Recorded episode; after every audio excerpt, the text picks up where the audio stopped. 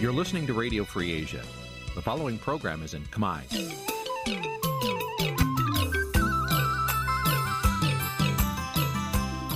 Nǐ chi càm bi tiệp xáy vệt chiu a zì sê ray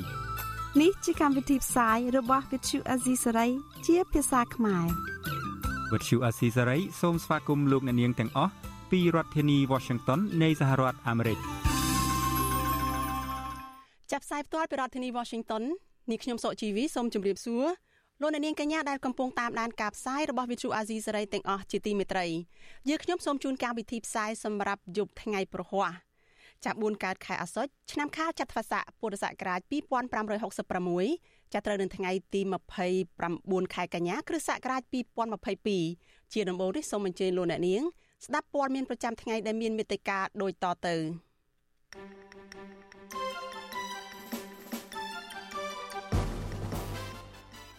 មេធាវីនិងសង្គមស៊ីវិលមិនរំពឹងថាអនុប្រធានគណៈបកភ្លើងទៀនលោកសុនឆៃអាចទទួលបានយុត្តិធម៌ពីតុលាការឡើយ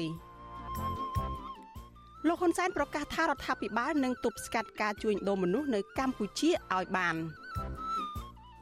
យុវជនស្រឡាញ់បរិស្ថានជាង30នាក់ធ្វើពិធីដង្ហែសពដើមឈើយកញត្តិទៅដាក់នៅក្រសួងបរិស្ថានពលរដ្ឋជាង400នាក់តវ៉ាស្នើសុំឲ្យអាជ្ញាធរស្រុកបទុមសាគរពន្លឿនដោះស្រាយបញ្ហាដីធ្លី រួមនឹងព័ត៌មានសំខាន់សំខាន់មួយចំនួនទៀត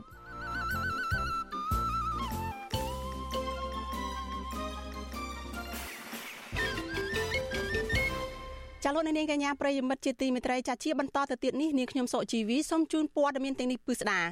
ចលនានាងជាទីមេត្រីចាព័ត៌មានតកតងនឹងគ្រឿងក្តីក្តាំរបស់អនុប្រធានគណៈបកសង្គ្រោះជាតិគណៈបកភ្លើងទៀនចានៅឯតុលាការក្រុងភ្នំពេញចាមេធាវីការពារក្តីឲ្យអនុប្រធានគណៈបកភ្លើងទៀនលោកសុនឆៃលើកឡើងថាចៅក្រមមិនបានផ្ដល់ឱកាសឲ្យមេធាវីរបស់លោកសួរសំណួរដោះបន្ទុកកូនក្តីរបស់ខ្លួននោះទេសាលាដំបងរាជធានីភ្នំពេញបានបើកសវនកម្មជំនុំជម្រះក្តី ចាលោកសុនឆៃពីបទបរិហាកេជាសាធារណៈដែលប្តឹងដោយគណៈកម្មាធិការជាតិរៀបចំការបោះឆ្នោតនៅថ្ងៃទី29ខែកញ្ញានេះមន្ត្រីសង្គមស៊ីវិលយល់ឃើញថាការដែលមិនផ្ដល់ឱកាសឲ្យបានគ្រប់គ្រាន់ឬក៏ចែកពេលវេលាមិនបានស្មើគ្នាដល់គូភាគីនៅក្នុងសវនកម្មនេះគឺជាចំណែកមួយដែលធ្វើឲ្យប៉ះពាល់ទៅដល់ការទទួលបានយុត្តិធម៌របស់លោកសុនឆៃចាលោកនាងនឹងបានស្ដាប់សេចក្តីរាយការណ៍នេះនៅក្នុងការផ្សាយរបស់យើងនៅពេលបន្តិចទៀតនេះ ចលនានាងជាទីមេត្រីព័ត៌មានតកតងនឹងការបដិញ្ញាចិត្តរបស់រដ្ឋាភិបាលកម្ពុជាពីការទប់ស្កាត់ឬក៏ចាត់វិធានការទៅលើការជួញដូរមនុស្សឯនេះវិញ ចាលោកយមត្រីហ៊ុនសែនប្រកាសថារដ្ឋាភិបាលរបស់លោកនឹងប្រឹងប្រែងទប់ស្កាត់ការជួញដូរមនុស្សនៅកម្ពុជាឲ្យអស់ពីលទ្ធភាពដើម្បីភាពសុខសាន្តរបស់ពលរដ្ឋមន្ត្រីសង្គមស៊ីវិលយល់ថាប្រសិនបរដ្ឋាភិបាលនៅតែមិនចាត់វិធានការទៅលើមន្ត្រីដែលប្រព្រឹត្តអំពើពុករលួយដោយសពថ្ងៃនោះចាប់បញ្ហាជួញដូរមនុស្សគឺនៅតែកើតមានឡើងដដែល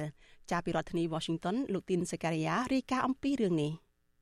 លោកនាយរដ្ឋមន្ត្រីហ៊ុនសែនប្រកាសនៅក្នុងវេទិកាជាតិអន្តរសាសនាប្រឆាំងការជួញដូរមនុស្ស លើកទី6នៅមជ្ឈមណ្ឌលពាណិជ្ជកម្មនិងពិព័រណ៍ជ្រោយចង្វាររាជធានីភ្នំពេញនៅព្រឹកថ្ងៃទី29កញ្ញាថាការជួញដូរមនុស្សដោយមួយផ្នែកកើតចេញពីលបែងស៊ីសងដូច្នេះរដ្ឋាភិបាលរបស់លោកនឹងទប់ស្កាត់ការជួញដូរមនុស្សនៅកម្ពុជាឲ្យមានប្រសិទ្ធភាពដើម្បីភាពសុខសាន្តរបស់ប្រជាពលរដ្ឋលោកហ៊ុនសែនបញ្ជាក់ថាចាប់ពីឆ្នាំនេះតទៅរដ្ឋាភិបាលនឹងយកថ្ងៃទី20សីហាជារៀងរាល់ឆ្នាំ ដើម្បីធ្វើទិវាជាតិអន្តរសាសនាប្រយុទ្ធប្រឆាំងការជួញដូរមនុស្សនៅកម្ពុជាលោកបន្ថែមថាក្រសួងមហាផ្ទៃតែមួយមិនអាចធ្វើការងារនេះបានគ្រប់ជ្រុងជ្រោយនោះទេពលគឺទាល់តែក្រសួងនិងស្ថាប័នពាក់ព័ន្ធធ្វើសកម្មភាពព្រមព្រមគ្នាទើបទប់ស្កាត់ការជួញដូរមនុស្សបានជោគជ័យហើយកម្ពុជាបើសិនជាមិនប្រយ័ត្នទេ យើងនឹងคลายទៅជាទីកន្លែងសវត្ថភាពសម្រាប់អក្រិតជនដែលមកធ្វើសកម្មភាពនៅក្នុងប្រទេសរបស់យើងហើយយកប្រទេសយើងធ្វើជាឆ្នន់ សម្រាប់ផលិតគ្រឿងញៀនដែលគេយកមកពីក្រៅតែមកផលិតនៅកម្ពុជារួចហើយចែកចាយចេញទៅវៀតណាមចែកចាយចេញទៅថៃចែកចាយចេញទៅប្រទេសផ្សេងទៀតក៏អាចថាបាននេះគឺជាការប្រកាសដ៏កម្រមួយក្នុងការទទួលស្គាល់អំពើជួញដូរមនុស្សនៅកម្ពុជាលោកហ៊ុនសែនបដិញ្ញាថានឹងខំប្រឹងទប់ស្កាត់ឲ្យមានប្រសិទ្ធភាពខណៈកន្លងមករដ្ឋាភិបាលរបស់លោកតែងតែច្រានចោលចំពោះរបាយការណ៍រកឃើញនានាដល់ថា កម្ពុជាក្លាយជាសម្បុកជួញដូរមនុស្សពីក្នុងតំបន់អាស៊ាន ដើម្បីបង្ខំឲ្យធ្វើការងារឆបោកតាមប្រព័ន្ធអនឡាញកន្លងមកស្ថាប័នអន្តរជាតិមួយចំនួនក៏រកឃើញដែរថាលោកហ៊ុនសែនរួមទាំងក្មួយរបស់លោកគឺលោកហ៊ុនតូព្រមទាំងក្រុមមន្ត្រីនៅអង្គការមួយចំនួនដែលជិតស្និទ្ធជាមួយលោកក៏មានជាប់តាក់ទងជាមួយក្រុមអក្រិតជនជួញដូរមនុស្សដែលជាជនជាតិចិនដែរជាពិសេសអ្នកចំនួនចិនដែលពាក់ព័ន្ធនឹងរឿងឆោបោក ក៏ធ្លាប់ដល់យន្តហោះទំនើបជូនលោកហ៊ុនសែនទៅចូលរួមប្រជុំនៅបរិយាញូវយ៉កជាដើមតាក់ទងនឹងបញ្ហានេះប្រធានសមាគមស្ថិមនុអាតហុកលោកនីសុខាសាទរចំពោះវិធានការរបស់លោកហ៊ុនសែនដែលអះអាងថានឹងទប់ស្កាត់ការជួញដូរមនុស្សនេះក៏ប៉ុន្តែលោកហាក់គ្មានជំនឿលើចំណាត់ការរបស់រដ្ឋាភិបាលនោះទេលោកក៏សម្គាល់ថាកន្លងមកលោកនាយករដ្ឋមន្ត្រីធ្លាប់បានសន្យាថានឹងកាត់កកលោកចោលប្រសិនបើការពៀប្រៃឈើនៅកម្ពុជាមិនបានគង់វង្ស ក៏ប៉ុន្តែរហូតមកដល់ពេលនេះបទល្មើសប្រៃឈើនៅតែកើតមានដដែលលោកនេះសុខាបន្តថាចំពោះការដាក់រដ្ឋាភិបាលកំណត់យកថ្ងៃទី20សីហាដើម្បីប្រារព្ធទិវាជាតិអន្តរសាសនាដើម្បីប្រឆាំងនឹងការជួញដូរមនុស្សនោះលោកថានឹងមិនបានផលប្រយោជន៍អ្វីជាដុំកំភួននោះទេប្រសិនបើអាជ្ញាធរពាក់ព័ន្ធនៅតែគ្មានសកម្មភាពជាក់ស្ដែងជាប្រចាំដើម្បីទប់ស្កាត់ការជួញដូរមនុស្សនោះលោកបន្ថែមថាមូលហេតុដល់រដ្ឋាភិបាលមិនអាចទប់ស្កាត់ការជួញដូរមនុស្សបានជោគជ័យនោះ ដោយសារតែការប្រព្រឹត្តអំពើពុករលួយហើយរដ្ឋាភិបាលមិនចាត់វិធានការផ្លូវច្បាប់ទៅលើមន្ត្រីខលខូចទាំងនោះ។ ពីព្រោះអ្នកដែលជួញដូរមនុស្សគឺប្រភេទជាក្រុមមនុស្សដែលជាអ្នកមានមិនមែនអ្នកក្រីក្រទេនឹងទី1ទី2គឺភាពយុត្តិធម៌ពិសេសគឺប្រព័ន្ធយុត្តិធម៌នៅក្នុងប្រទេសកម្ពុជាគឺត្រូវតែដំណើរការឲ្យបានកុំឲ្យមាននីតិរដ្ឋភាពនៅក្នុងប្រទេសកម្ពុជាពីព្រោះថាបើសិនជាមាននីតិរដ្ឋភាពមានន័យថាអ្នកដែលប្រព្រឹត្តនៅអំពើជួញដូរមនុស្សអ្នកដែលសុំកលុំពុករលួយនៅក្នុងអំពើជួញដូរមនុស្សអាចរួចខ្លួនពីសំណាញ់ច្បាប់អានេះក៏មិនអាចធានាបាននៅការទប់ស្កាត់នៃការជួញដូរមនុស្សបានដែរដោយឡែកសមាជិកក្រុមរក្សាអ្នកខ្លាំមើលកម្ពុជាលោករងឈុនមើលឃើញថាផែនការរបស់លោកហ៊ុនសែនភាគច្រើន ជាផែនការបែបពពុះសាប៊ូដែលមានសកម្មភាពតែមួយប្រាវក៏សាមរលាបទៅវិញលោកបន្តថាបញ្ហានេះកើតឡើងដោយសារតែការប្រព្រឹត្តអំពើពុករលួយជាប្រព័ន្ធស្របពេលដែលលោកហ៊ុនសែនមិនបានតាមដានការងាររបស់ខ្លួនដែលបានដាក់ជូនមន្ត្រីថ្នាក់ក្រោមឲ្យបានជាប់លាប់ អញ្ចឹងវាធ្វើឲ្យក្រុមហ៊ុនល្អល្អហ្នឹងគេមិនចារណាហើយអ្នកដែលគ្រងនឹងមកវិនិយោគទុនអាហ្នឹងក៏គេរីរែកក្នុងការមកវិនិយោគទុននៅកម្ពុជាយើងដែរអញ្ចឹងវានៅសល់តែក្រុមហ៊ុនតែថាមិនល្អគេឈ្មោះមិនល្អចេះតែរកស៊ីទៅរំលោភលក្ខខណ្ឌការងាររំលោភសិទ្ធិកម្មកររំលោភអីអសក់បែបយ៉ាងអញ្ចឹងទៅដោយក្រុមហ៊ុន Nagawal មកដល់ឥឡូវនេះមិនទាន់ផ្ដល់ដំណោះស្រាយឲ្យកម្មករអីណាហ្នឹងវាសិតតែបញ្ហាហើយហើយមើលរយៈចុងក្រោយនេះរូបភាពនៃការជួញដូរមនុស្សនៅកម្ពុជា មានលក្ខណៈជាទ្រង់ទ្រាយធំមេខ្លោងជួញដូរមនុស្សភ ieck ច្រើនជាជនជាតិចិន បានខំខាំងមនុស្សប្រើអំពើហិង្សាវាយដំ និងប្រើដំបងឆក់ដើម្បីបង្ខំឲ្យជនជាតិខ្មែរនិងជនបរទេសមួយចំនួន ដូចជាថៃម៉ាឡេស៊ីចិនតៃវ៉ាន់ហ្វីលីពីនឥណ្ឌូនេស៊ីនិងវៀតណាមជាដើមឲ្យធ្វើការឆបោកតាមប្រព័ន្ធអ៊ីនធឺណិតជុំវិញពិភពលោក ជនរងគ្រោះមួយចំនួនបានលុតរំលាក់ពីអគារខ្ពស់រត់គេចពីកន្លែងខំខាំងជាដើមអញ្ញាធិបប្រទេសមួយចំនួនក៏បានជួយសង្គ្រោះបរិវត្តរបស់ខ្លួនចេញពីប្រទេសកម្ពុជាជាបន្តបន្ទាប់ដែរដោយឡែកកាលពីថ្ងៃទី19កក្កដាក្រសួងការបរទេសអាមេរិកបានចេញរបាយការណ៍ស្តីពីការជួញដូរមនុស្សដោយបានទម្លាក់ចំណាត់ថ្នាក់កម្ពុជាមកកម្រិតទី3អាក្រក់បំផុតពុំធ្លាប់មានតាំងពីឆ្នាំ2015មក និងក្រោយពេលដល់កម្ពុជាស្ថិតនៅក្នុងចំណាត់ថ្នាក់កម្រិតទី2 ក្រោមការឃ្លាំមើលអស់រយៈពេល3ឆ្នាំជាប់ជាប់គ្នា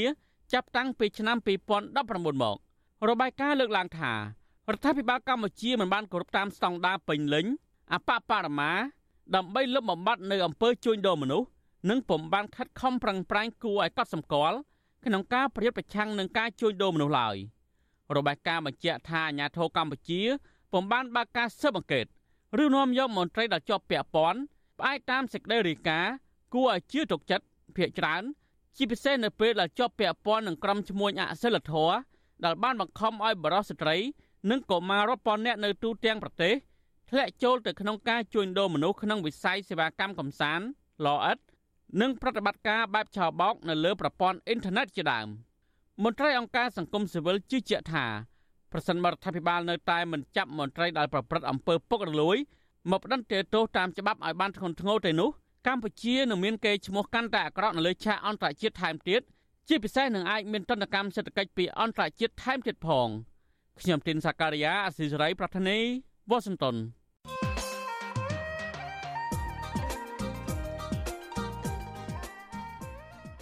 ចាលោកនាងកញ្ញាប្រិយមិត្តជាទីមេត្រីចានៅក្នុងរយៈពេលចុងក្រោយនេះចាបន្ទាប់ពីត្រូវគេប៉ុនប៉ងគប់ស្បែកជើងម្ដងរួចមក ចាលោកហ៊ុនសែនហាក់មានតម្រូវការកាន់តែខ្លាំងក្នុងការបញ្ចុះបញ្ចាច់បញ្ចាលោកតាមស្ទើរគ្រប់វិធីទាំងអស់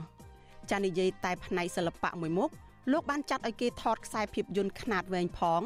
ថតខ្សែភាពយន្តចម្រៀងខ្នាតខ្លីផងលោកតែងបទចម្រៀងខ្លួនឯងផង បញ្ជាឲ្យគេតែងផង ចាក្រៅពីនេះក៏ឆ្លៀតអ្នកដែលឆ្លៀតឱកាសយកឱកាសមាសបានសរសេរសិភៅ លើកសរសើរលោកនិងគ្រួសាររបស់លោករហូតទទួលបានតំណែងជារដ្ឋលេខាធិការឬអនុរដ្ឋលេខាធិការនៅក្នុងជួររដ្ឋាភិបាលទៀតផង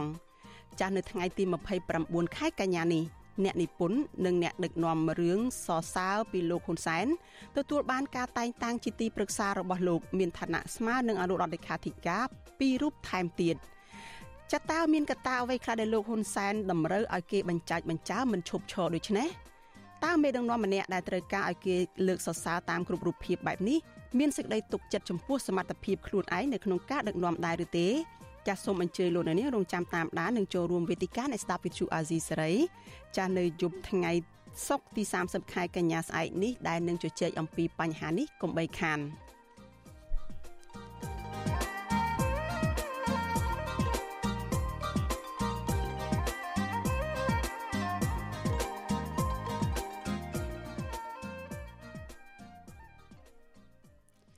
លោកនាងកញ្ញាប្រិយមិត្តជាទីមេត្រីចាលោកអ្នកកំពុងតែតាមដានការផ្សាយរបស់ Vithu Azizi សេរីចាប់ផ្សាយចេញពីរដ្ឋធានី Washington សហរដ្ឋអាមេរិកចាយើងមិនទាន់ទៅណាឆ្ងាយពីព័ត៌មានតកតលនឹងអំពើជួញដូរមនុស្សនៅឡើយទេ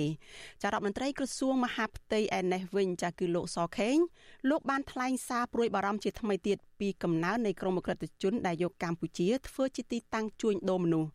លោកសខេងទទួលស្គាល់ថាអំពើជួញដូរមនុស្សបានបំផ្លាញធនធានមនុស្សនិងកិត្តិយសប្រជាជាតិកម្ពុជា ព្រមទាំងគម្រាមកំហែងដល់ប្រជាជនធ្ងន់ធ្ងរអ្នកតាមដានស្ថានភាពកម្ពុជាយល់ថាក្រុមអក្រិតជនដែលកំពុងប្រតិបត្តិការអំពើជួញដូរមនុស្សគ្រប់ទម្រង់នៅកម្ពុជានឹងមិនងាយសាបរលាបឡើយ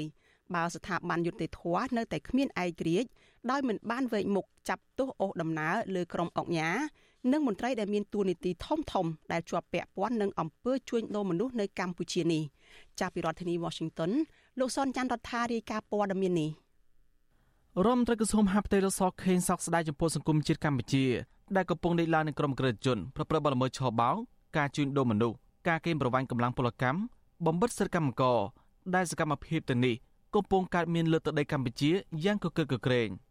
លោកថ្លែងបែបនេះនៅក្នុងវេទិកាជាតិអន្តរសាសនាប្រឆាំងការជួញដូរមនុស្សលើកទី6ក្រោមប្រធានបទសូមគំយកកម្ពុជា ជាគោលដៅប្រព្រឹត្តអំពើជួញដូរមនុស្សនៅថ្ងៃទី29ខែកញ្ញា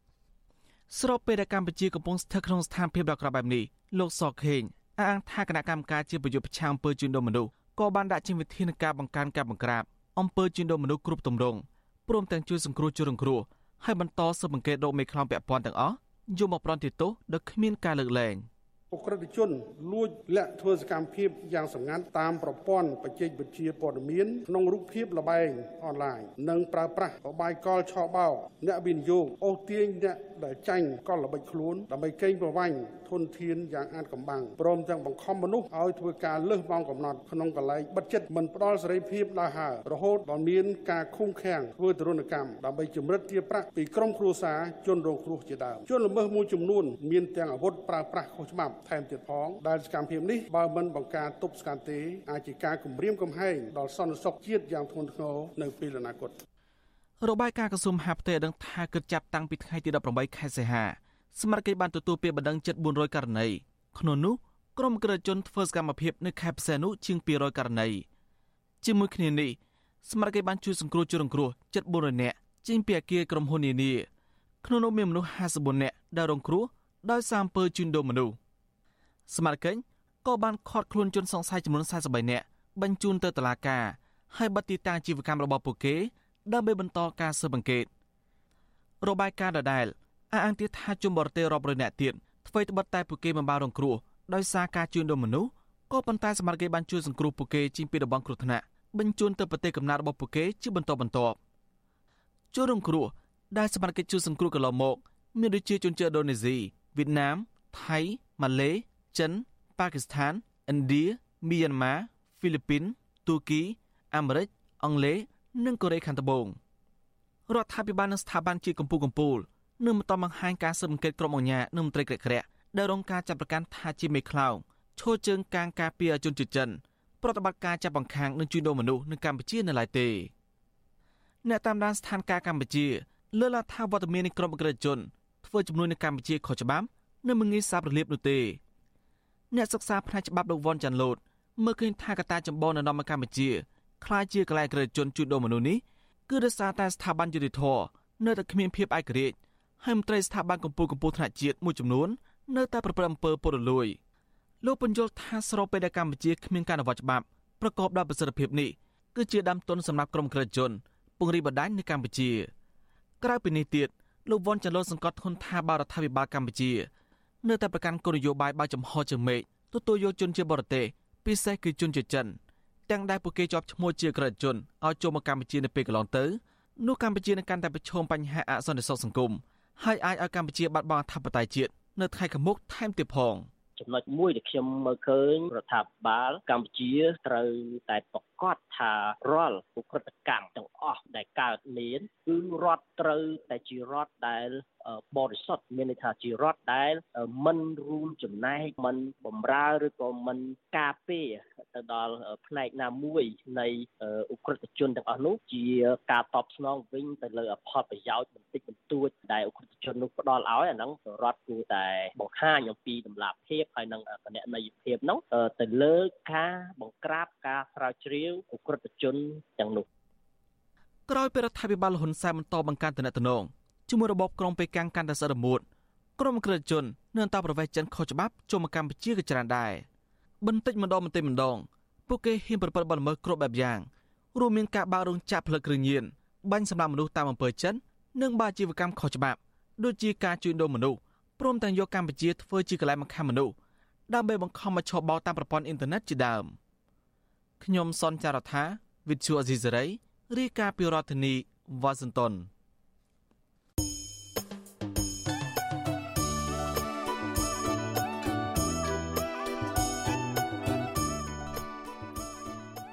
ចាលោកនាងកញ្ញាជាទីមេត្រីចានៅក្នុងឱកាសនេះដែរចានាងខ្ញុំសូមថ្លែងអំណរគុណដល់លោកអ្នកនាងដែលតែងតែមានភក្ដីភាពចំពោះការផ្សាយរបស់យើងហើយចាត់ទុកការស្ដាប់វិទ្យុអាស៊ីសេរីនេះចាគឺជាផ្នែកមួយនៃសកម្មភាពប្រចាំថ្ងៃរបស់លោកអ្នកនាងចាការគ្រប់គ្រងរបស់លោកអ្នកនាងនេះហើយដែលធ្វើឲ្យយើងខ្ញុំមានកាន់តែមានទឹកចិត្តស្វាហាប់និងមោះមុតជាបន្តទៅទៀតក្នុងការស្វែងរកព័ត៌មាននិងផ្តល់ព័ត៌មានជូនលោកអ្នកនាង ចាំមានអ្នកស្ដាប់និងមានអ្នកទស្សនាកាន់តែច្រើនចាកាន់តែធ្វើឲ្យយើងខ្ញុំមានទឹកចិត្តខ្លាំងថែមទៀតចាយើងខ្ញុំសូមអរគុណលោកអ្នកនាងទុកជាមុនហើយក៏សូមអញ្ជើញលោកអ្នកនាងចូលរួមជំរុញឲ្យការផ្សាយព័ត៌មានពិតរបស់វិទ្យុអាស៊ីសេរីនេះចាកាន់តែជោគជ័យបន្ថែមទៀតចាលោកអ្នកនាងអាចជួយយើងខ្ញុំបានដោយគ្រាន់តែលោកអ្នកនាងចុចចែករំលែកការផ្សាយរបស់វិទ្យុអាស៊ីសេរីចានៅលើបណ្ដាញសង្គម Facebook និង YouTube ទៅកាន់មិត្តភ័ក្តិរបស់លោកអ្នកនាងចាដើម្បីឲ្យការផ្សាយរបស់យើងនេះបានទៅដល់មនុស្សកាន់តែច្រើនចាសូមអរគុណ ចលនានាងជាទីមេត្រីចាំមេធាវីការពារក្តីឲ្យអនុប្រធានគណៈបកភ្លើងទៀនចាគឺលោកសុនឆៃលើកឡើងថាចៅក្រមមិនបានផ្ដល់ឱកាសឲ្យមេធាវីសួរដោះបន្ទុកកូនក្តីរបស់ខ្លួននោះទេ ចាស់សាលាដំបងរាជធានីភ្នំពេញបានបើកសវនកម្មជំនុំជម្រះក្តីឲ្យលោកសុនឆៃការបស់លោកសុនឆៃចាពីបទបរិហាកេជាសាធារណៈដែលបានប្តឹងដោយគណៈកម្មាធិការជាតិរៀបចំការបោះឆ្នោតហៅកាត់ថាកោជបនៅថ្ងៃទី29ខែកញ្ញានេះមន្ត្រីសង្គមស៊ីវិលយល់ឃើញថាការដែលមិនបានផ្ដល់ឱកាសឲ្យបានគ្រប់គ្រាន់ឬក៏មិនបានចែកពេលវេលាឲ្យបានស្មើភាពគ្នារវាងគូភាគីទាំងពីរនោះគឺជាចំណែកមួយដែលធ្វើឲ្យប៉ះពាល់ទៅដល់ការទទួលបានយុត្តិធម៌របស់លោកសុនឆៃ ចាសសូមស្ដាប់សេចក្តីរាយការណ៍របស់លោកយុនសាមៀនអំពីរឿងនេះលោកជួងជងាឲ្យដឹងថាសាវនាការជំនុំជម្រះក្តីលោកសុនឆៃកើតមានភាពមិនប្រក្រតីពីរចំណុចគឺទី1ចៅក្រមមិនបានផ្ដល់ពេលវេលាគ្រប់គ្រាន់ដល់មេធាវីការពីក្តីលោកសុនឆៃអាចសួរសំណួរដោះបន្ទុកលោកបានប៉ុន្តែផ្ទុយទៅវិញចៅក្រមជំនុំជម្រះលោកហមមេងសែបានផ្ដល់ពេលវេលាច្រើនលើសលប់ទៅដល់មេធាវីការពីក្តីឲ្យកោចបោ ចំណែកតំណាងអัยការបានយកភ័ស្តុតាងដាក់បន្ទុកដែលគ្មានទម្ងន់មកចោទប្រកាន់លោកសុនឆៃលោកជួងជងីឲ្យវត្ថុអាស៊ីសេរីដឹងថាចៅក្រមជំនុំជម្រះលោកហមមេងសែបំពេញការងារមិនត្រឹមត្រូវតាមវិជាជីវៈទេព្រោះចៅក្រមរូបនេះដឹកនាំសវនាការឃ្លាតឆ្ងាយពីយុត្តិធម៌លោកបន្តថាចៅក្រមបានប្រើឆន្ទានុសិទ្ធិបំពេញលោកជ្រុលហួសហេតុដែលធ្វើឲ្យលោកបាត់បង់ឱកាសសួរសំណួរដោះបន្ទុកឲ្យលោកសុនឆៃ លោកបន្តថានៅពេលលោកទៀមទាដាក់សំណួរទៅដើមបណ្ដឹងគឺមន្ត្រីកោជបលោកសួរបានតែ2ឬ3សំណួរហើយចៅក្រមហាមមិនឲ្យលោកសួរសំណួរទៅមន្ត្រីកោជបតទៅទៀតលោកមិនរំពឹងថាលោកសុនឆៃទទួលបានយុត្តិធម៌ពីតុលាការទេគឺ ចៅក្រមគាត់បានឲ្យឱកាសនីតិវិធីសួរសំណួរបញ្ចប់នីតិវិធីសួរដេញដោលគឺខ្ញុំមកភ្នាក់អរដងហើយខ្ញុំលើកដៃសុំសិទ្ធសួរដេញដោលចាំគាត់ថាចប់នីតិវិធីសួរដេញដោលហើយហើយខណៈដែលខ្ញុំរងចាំដើម្បីសួរសំណួរដើម្បីដោះមិនពងក្តីគាត់អត់បានផ្ដល់ឱកាសខ្ញុំតើខ្ញុំប្រកាន់ទៀនទីទៅគាត់អត់ចង់ឲ្យខ្ញុំសួរសំណួរទេហើយដល់ខ្ញុំទៀនទីខ្លាំងគាត់ក៏ឲ្យសួរសំណួរដល់ពេលខ្ញុំសួរសំណួរខ្ញុំសួរសំណួរទៅកោជបទៅមន្ត្រីកោជបដើម្បីដោះបន្ទុកកងក្តីខ្ញុំដល់ពេលខ្ញុំសួរសំណួរទៅកោជបទៅសំណួរខ្ញុំលក្ខណៈចាញ់ទៅមន្ត្រីកោជបចៅក្រមគាត់ប្រហាក់ជួយខ្ញុំសួរតទៅទៀតដូចគ្នានេះដែរអនុប្រធានគណៈបកភ្លើងទៀនលោកសុនឆៃឲ្យដឹងថាសវនាការនេះនិយាយច្រើនតាក់ទងភ័ស្តុតាង ហើយលោកមានភ័ស្តុតាងច្រើនបញ្ជាក់ករណីលួចសញ្ញាឆ្នោតលោករិះគន់ថាភ័ស្តុតាងដែលតំណាងអัยការលើកមកបង្ហាញនៅបន្ទប់សវនាការជាភ័ស្តុតាងគ្មានតម្លៃលោកសុនឆៃក៏លើកឡើងដូចទៅនឹងការលើកឡើងរបស់មេធាវីការពីក្តីលោកដែរថា មេធាវីរបស់លោកមិនបាននិយាយជាង3ម៉ោង ក្នុងពេលតឡាការបើកសវនាការជំនុំជម្រះគណៈមេធាវីកោជបអាចសួរសំណួរលោកតាមចិត្តនៅការយកសំអាងនៃអាយកានេះមិនសមហេតុផលទេអាយកាបានយកសំអាងពីសំអាងមួយដែលមានអឺថាគ្មានមានតម្លៃពេទ្យមានគុណភាពវាចំ តកតងទៅនឹងភាពមិនប្រក្រតីក្នុងបន្ទប់សវនាការនេះដែរវិទ្យុអេស៊ីសេរីមិនអាចសុំការឆ្លើយតបពីប្រធានសាលាដំបងរាជធានីភ្នំពេញលោកតាំងសុនឡាយបានទេនៅថ្ងៃទី29ខែកញ្ញាចំណែកអ្នកនាំពាក្យគណៈកម្មាធិការជាតិរៀបចំការបោះឆ្នោតលោកហងពុធាក៏វិទ្យុអាស៊ីសេរីមិនអាចសុំការបំភ្លឺបានដែរនៅថ្ងៃដដែលនេះគណៈកម្មាធិការជាតិរៀបចំការបោះឆ្នោតដែលមេដឹកនាំស្ថាប័ននេះធ្លាប់ជាតំណាងរាស្ត្រ និងជាអតីតអភិបាលខេត្តបាត់ដំបងមកពីគណៈបកកណ្ដាលអំណាចបានប្តឹងលោកសុនឆៃពីបទបរិហាគេកាលពីខែមិថុនាដោយទាមទារឲ្យលោកធ្វើលិខិតសុំទោសជាសាធារណៈកោជបប្តឹងអ្នកនយោបាយឡើងតុលាការបែបនេះក្រោយពេលលោកសុនឆៃបញ្ចេញព័ត៌មានជាសាធារណៈដែលលោកបានរិះគន់ការបោះឆ្នោតឃុំសង្កាត់អាណត្តិទី5កន្លងទៅថា មានការបំផិតបំភ័យប្រជាពលរដ្ឋនិងមិនឆ្លោះបញ្ចាំងពីឆន្ទៈប្រជាពលរដ្ឋជាដើម។ លោកសុនឆៃក៏បានបំភ្លឺនៅមុខតឡាការដែរថាលោករិះគន់បញ្ហាបោះឆ្នោតក្នុងគោលបំណងចង់ឲ្យកោជបស៊ើបអង្កេតភាពមិនប្រក្រតីនៃការបោះឆ្នោតនិងចង់ឲ្យស្ថាប័នរៀបចំការបោះឆ្នោតមួយនេះកែលម្អចំណុចខ្វះខាតរបស់ខ្លួនដែលបានកើតឡើងកាលពីការបោះឆ្នោតឃុំសង្កាត់អាណត្តិទី5កន្លងទៅពាក់ព័ន្ធទៅនឹងរឿងនេះដែរនាយកប្រតិបត្តិអង្គការឃ្លាំមើលការបោះឆ្នោតនៅកម្ពុជាហៅកាត់ថា Netflix លោកសំគុណធាមី សោកស្ដាយនៅពេលឃើញស្ថាប័នកោជបដែលជាអាជ្ញាកណ្ដាលប្តឹងគណៈបកនយោបាយបែបនេះលោកបន្តថាបញ្ហានេះនឹងប៉ះពាល់ដល់ដំណើរការបោះឆ្នោតឆ្នាំ2023ខាងមុខ អាហ្នឹងរឿងហ្នឹងវាវាវាតែតែនេះហើយវានេះព្រោះគេប្តឹងអញ្ចឹងហើយមិនធ្វើមកយើងអត់មានជំរឿនទេព្រោះគេចោទថាបរិហាគេអីចឹងណាតាមពិតគាត់តាមសម្ដីគាត់គាត់និយាយពីជាគោលការណ៍វាប៉ះពាល់ដល់ដំណើរការបោះឆ្នោតហើយបាទវាប៉ះហើយវាជាមួយទេអូនជុំវិញរឿងនេះដែរនាយកទទួលបន្ទុកកិច្ចការទូតនៃអង្គការលីកាដូលោកអំសំអាតយល់ថា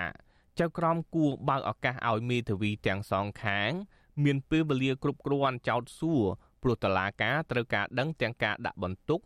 និងការដោះបន្ទុកលោកបន្តថាការមិនផ្ដល់ពេលវេលាស្មើគ្នាបែបនេះជាផ្នែកមួយដែលធ្វើឲ្យប៉ះពាល់ដល់ការផ្ដល់យុត្តិធម៌ក្នុងដំណើរការរឿងក្តីនេះ សិនជារដ្ឋបិទនៅ ក្នុងការតាំងសំណួរអានឹងនាំឲ្យវាប៉ះពាល់ដល់ដំណើរការយុទ្ធធម៌មួយផ្នែកផងដែរបាទទាំងមតិជាតិនិងអន្តរជាតិគេដែលតរិគុណថា វាជារឿងនយោបាយច្រើនជាងការអនុវត្តច្បាប់ណាតុលាការនឹងប្រកាសសាលក្រមសំណុំរឿងកោជបប្តឹងលោកសុនឆៃនៅថ្ងៃទី7ខែតុលាខាងមុខហើយនៅថ្ងៃដដែលនោះដែរតុលាការនឹងចាប់ផ្ដើមបើកសវនាការ ជំនុំជម្រះបណ្ដឹងរបស់គណៈបកប្រជាជនកម្ពុជាវិញម្ដង ដែលបានប្តឹងលោកសុនឆៃពីបទបរិហាគេជាសាធារណៈនេះដែរនិងទាមទារសំណងជំងឺចិត្តលុយ1លានដុល្លារខ្ញុំយុនសាមៀនវិទ្យុអាស៊ីសេរីប្រធានាធិបតី Washington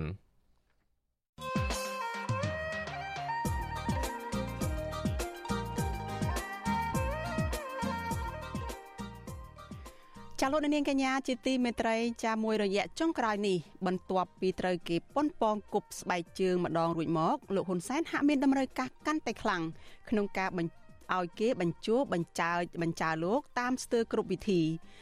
និយាយតែផ្នែកសិល្បៈមួយមុខចាលោកបានចាត់ឲ្យគេថតខ្សែភាពយន្តខ្នាតវែងផង ចាថតខ្សែភាពយន្តចម្រៀងខ្នាតខ្លីផង លោកតែងបទចម្រៀងខ្លួនឯងផង បញ្ជាឲ្យគេតែងផង ក្រៅពីនោះ នៅមានអ្នកឆ្លៀតឱកាសមាសសរសេរសិភៅលើកសរសើរលោកនិងគ្រួសារលោករហូតដល់ទទួលបានតំណែងជារដ្ឋលេខាធិការឬអនុរដ្ឋលេខាធិការក្នុងជួររដ្ឋាភិបាលទៀតផងចាស់នៅថ្ងៃទី29ខែកញ្ញានេះអ្នកនិពន្ធនិងដឹកនាំរឿងលើកសរសើរពីលោកក៏ត្រូវទទួលតាក់ការក៏ត្រូវបានការតែងតាំងជាទីប្រឹក្សារបស់លោកដែលមានឋានៈស្មើនឹងអនុរដ្ឋលេខាធិការពីររូបបន្ថែមទៀត។ តើមានកត្តាអ្វីខ្លះដែលធ្វើឲ្យលោកហ៊ុនសែនចាត្រូវការឲ្យគេបញ្ចាច់បញ្ចើមិនឈប់ឈរដូចនេះតើមេដឹកនាំម្នាក់ដែលត្រូវការឲ្យគេលើកសរសើរតាមគ្រប់រូបភាពបែបនេះមានសេចក្តីទុកចិត្តចំពោះសមត្ថភាពខ្លួនឯងនៅក្នុងការដឹកនាំដែរឬទេចាសសូមអញ្ជើញលោកអ្នកនាងរងចាំតាមដាននិងចូលរួមនៅក្នុងវេទិកានៃស្ដាប់វិទ្យុអាស៊ីសេរីចាដែលនឹងជជែកគ្នាអំពីបញ្ហានេះនៅយប់ថ្ងៃសុក្រទី30ខែកញ្ញាស្អែកនេះកុំបីខាន។ ចានីតិវេទិកាអ្នកស្ដាប់នៅយប់ស្អែកនេះចាមានលោកទីនសកលយាជាអ្នកសម្របសម្រួល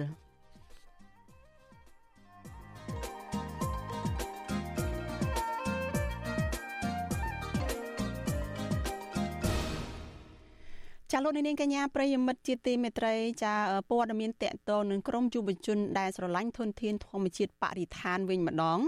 ចាក្រមយុវជនស្រឡាញ់បរិស្ថានជាង30នាក់ នាំគ្នាហែសពដើមឈើនៅតាមផ្លូវខណៈដែលពួកគេនាំញត្តិទៅជូនរដ្ឋមន្ត្រីក្រសួងបរិស្ថានលោកសៃសម្បាល់ចាលោកសៃសំអាល់ដើម្បីស្នើសុំឲ្យសហគមន៍និងសាធារណជន អាចចូលរួមចុះល្បាតការពារព្រៃឡើងវិញមន្ត្រីសង្គមស៊ីវិលយល់ឃើញថាការដើរហែសពដើមឈើរបស់ក្រមយុវជននេះគឺជាការតស៊ូមតិដែលមានគំនិតច្នៃប្រឌិត ហើយក្រសួងបរិស្ថាន គួរតែយល់ព្រមទៅតាមសំណើរបស់ពួកគេដើម្បីឲ្យប្រជាពលរដ្ឋបានចូលរួមនៅក្នុងការទប់ស្កាត់បទល្មើសព្រៃឈើចាលោកយ៉ងច័ន្ទដារាលោកយ៉ងច័ន្ទដារារាយការណ៍ព័ត៌មាននេះក្រមយុវជនស្រឡាញ់បរិស្ថានសរុប32នាក់ក្នុងនោះមានស្ត្រី15នាក់និងតំណាងប្រជាសហគមន៍ព្រៃឈើព្រៃព្រះរកានិងព្រៃឡង់ចំនួន4នាក់បាននាំគ្នាធ្វើពិធីដង្ហែសាកសពដើមឈើយកញត្តិទៅដាក់នៅក្រសួងបរិស្ថាន នៅព្រឹកថ្ងៃទី29ខែកញ្ញា ដើម្បីស្នើសុំឲ្យរដ្ឋមន្ត្រីក្រសួងមួយនេះបញ្ឈប់ការរដ្ឋបិទសិទ្ធិអ្នកការពារព្រៃឈើនិងបើកចំហសេរីភាពជូនសាធារណជនឲ្យចូលល្បាតព្រៃឈើឡើងវិញក្រមយុវជនបានស្លៀកពាក់សពាក់បូពណ៌សនៅលើក្បាលដោយនាំគ្នាដើរដង្ហែមឈូសសាកសពដើមឈើព្រមទាំងដៃកាន់ផ្កា និងបដាដែលសរសេរថា ពិធីហែសពដើមឈើព្រៃឈើជាសម្បត្តិរបស់យើងទាំងអស់គ្នា និងសោកនាដកម្មព្រៃឈើជាដើមក្រៅពីនេះ មានយុវជនដើរតួនាទីជាអាចារ្យកាន់ទងប្រលឹង ដែលសរសេររៀបរាប់អំពីវិនិស្សកម្មព្រៃឈើនៅកម្ពុជាផងដែរអញ្ញាធរខណ្ឌចំការមននិងកងកម្លាំងប្រដាប់អាវុធមួយចំនួនបានខាត់មិនឲ្យពួកគេដង្ហែសាកសពដើមឈើនេះទេ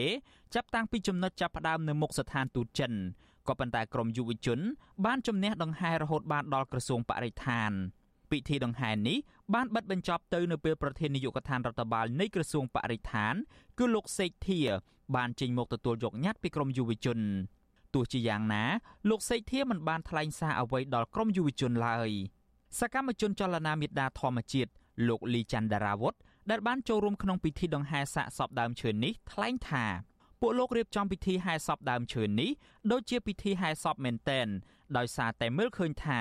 ស្ថានភាពព្រៃឈើនៅកម្ពុជា កំពុងរងការកាប់បំផ្លាញកាន់តែច្រើន ក្រោយពេលក្រសួងបរិស្ថាន ហាមឃាត់មិនឲ្យសហគមន៍មូលដ្ឋាន និងប្រជាពលរដ្ឋដែលស្រឡាញ់ធនធានធម្មជាតិចុះល្បាតព្រៃឈើដូចពីមុននោះលោកលីច័ន្ទដារាវុធស្នើសុំឲ្យសាធារណជន ជាពិសេសយុវជនឲ្យចូលរួមនៅក្នុងសកម្មភាពតស៊ូលើបញ្ហាព្រៃឈើនិងបរិស្ថាន ពីព្រោះនៅពេលសាធារណជនចូលរួមកាន់តែច្រើននោះអ្នកប្រព្រឹត្តអំពើពុករលួយនឹងចេះខ្លាចរអាមិនប្រព្រឹត្តបទល្មើសការចូលរួមទាមទារសិទ្ធិសេរីភាពនេះគឺវាជាសិទ្ធិរបស់យើងហើយជាកាតព្វកិច្ចរបស់យើងដែលត្រូវតែធ្វើដើម្បីធ្វើឲ្យប្រទេសកម្ពុជាស្ថិតនៅក្នុងកន្លងប្រជាធិបតេយ្យហើយបើសិនជាយើងអត់មានភាពក្លាហានអត់ហ៊ានប្រឈមនឹងហានិភ័យហើយយើងបាត់បង់ភាពច្នៃប្រឌិតនោះបញ្ហាគឺនឹងមិនត្រូវបានដោះស្រាយហើយបញ្ហាទាំងអស់អាចដោះស្រាយវាចាប់ផ្ដើមពីយើងខ្លួនឯងហ៊ានស្វែងរកដំណោះស្រាយដើម្បីបញ្ហាទាំងអស់ហ្នឹង វិទ្យុអាស៊ីសេរីមិនអាចតាក់ទងแนะនាំពាក្យក្រសួងបរិស្ថានលោកណេតភក្ត្រាដើម្បីបកស្រាយជុំវិញរឿងនេះបាននៅឡើយទេ នៅថ្ងៃទី29ខែកញ្ញាដោយទូរស័ព្ទចូល តែពុំមានអ្នកទទួលក្រសួងបរិស្ថានបានចាប់ផ្ដើមហាមឃាត់មិនឲ្យសាធារណជនចូលរួមល្បាតព្រៃឈើតាំងតែពីចុងខែមីនាឆ្នាំ2019ដោយក្រសួងបានប្រកាសថាប្រជាសហគមន៍ត្រូវតែសុំការអនុញ្ញាតពីមន្ត្រីបរិស្ថានជាមុនសិនទើបអាចចុះល្បាតព្រៃឈើបាន ជុំវិញរឿងនេះអ្នកនាំពាក្យសមាគមការពារសិទ្ធិមនុស្សអាត6លោកសឹងសែនករណាកោតសរសើរចំពោះគំនិតច្នៃប្រឌិតរបស់ក្រមយុវជនបរិស្ថាន ដែលការហែសពព្រៃឈើនេះបានទទួលការចាប់អារម្មណ៍និងគាំទ្រជាច្រើនពីសាធារណជន លោកបញ្យល់ថាការហាមប្រាមមិនអោយប្រជាសហគមន៍និងសាធារណជនចូលរួមល្បាតនិងការពារព្រៃឈើពីសំណាក់ក្រសួងបរិស្ថាននោះគឺជាការអនុវត្តផ្ទុយពីរដ្ឋធម្មនុញ្ញនិងច្បាប់ស្តីពីការការពារព្រៃឈើ ដែលបានចែងឲ្យប្រជាពលរដ្ឋទូទៅមានកាតព្វកិច្ចនៅក្នុងការថែរក្សាទ្រព្យសម្បត្តិធនធានធម្មជាតិរបស់ប្រទេសជាមួយគ្នានេះលោកសឹងសានករណាស្នើសុំឲ្យក្រសួងបរិស្ថាន ពិចារណាក្នុងការអនុញ្ញាតដល់សាធារណជន ចូលរួមល្បាតព្រៃឈើឡើងវិញ ជាជាងបន្តការពីក្រមឈ្មួញបាត់ល្មើសព្រៃឈើស្ថាប័នពាក់ព័ន្ធជាពិសេសក្រសួងបរិស្ថាន និងប្រមុខរដ្ឋាភិបាលលោកពិនិត្យមើលឡើងវិញអំពីសមត្ថកិច្ចរបស់ ក្រសួងបរិស្ថាននេះដែលធ្វើឲ្យមានការបាត់បង់ព្រៃឈើហើយមានភាពចង្អៀតចង្អល់មិនឲ្យមានការចូលរួមការពារព្រៃឈើទៅទៀតអញ្ចឹងគួរតែបើកចិត្តឲ្យទូលំទូលាយ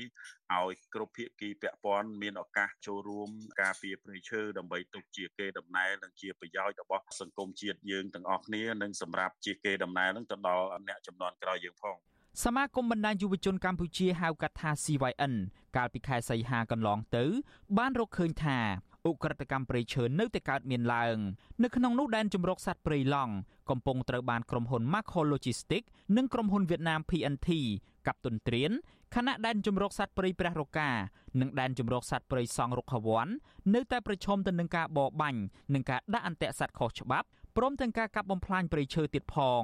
កន្លងទៅ អង្គការសង្គមស៊ីវិលនិងសកម្មជនបរិស្ថាន តែងតែទាមទារឲ្យក្រសួងបរិស្ថានអនុញ្ញាតឲ្យសាធារណជនចូលរួមល្បាតព្រៃឈើដោយមិនចាំបាច់សុំការអនុញ្ញាតពីក្រសួងដោយកាលពីមុនវិញខ្ញុំយ៉ងច័ន្ទដារាវិទ្យុអាស៊ីសេរីរាយការណ៍ពីរដ្ឋធានី Washington ចាលោកនាងកញ្ញាប្រិយមិត្តជាទីមេត្រីលោកអ្នកកំពុងស្ដាប់ការផ្សាយរបស់វិទ្យុអាស៊ីសេរី ចាររបាយការណ៍ថ្មីមួយដែលទើបតែចេញនៅក្នុងពេលថ្មីថ្មីនេះបង្ហាញថាមន្ត្រីជាន់ខ្ពស់មួយចំនួនរួមទាំងគ្រួសារលោកនាយរដ្ឋមន្ត្រីហ៊ុនសែនផងមានទំនាក់ទំនងយ៉ាងជិតស្និទ្ធជាមួយនឹងក្រុមអ ுக ្រិតជនចាទំនាក់ទំនងនេះបានជួយសម្រួលដល់សកម្មភាពខុសច្បាប់ជាច្រើនដូចជាការលាងលុយកខ្វក់ការកាប់ឈើនិងការដឹកឈើឆ្លងដែនឲ្យคล้ายទៅជាមុខចំនួនស្របច្បាប់តើទំនាក់ទំនងនោះកើតមាននៅក្នុងរូបភាពយ៉ាងណាខ្លះ តើអ ுக ្រិតកម្មប្រៃឈើនៅកម្ពុជាអាចទប់ស្កាត់បានដែរឬយ៉ាងណាប្រសិនបើមន្ត្រីកម្ពុជាកម្ពុជាជាប់ពាក់ព័ន្ធនៅក្នុងរឿងនេះយ៉ាងដូចនេះចាសសូមអញ្ជើញលោករនាងរងចាំតាមដានកិច្ចពិភាក្សាអំពីរឿងនេះនៅក្នុងការផ្សាយរបស់យើងនៅក្នុងរយៈពេល30នាទីចាសនៅក្នុងយប់នេះកុំបីខាន thank you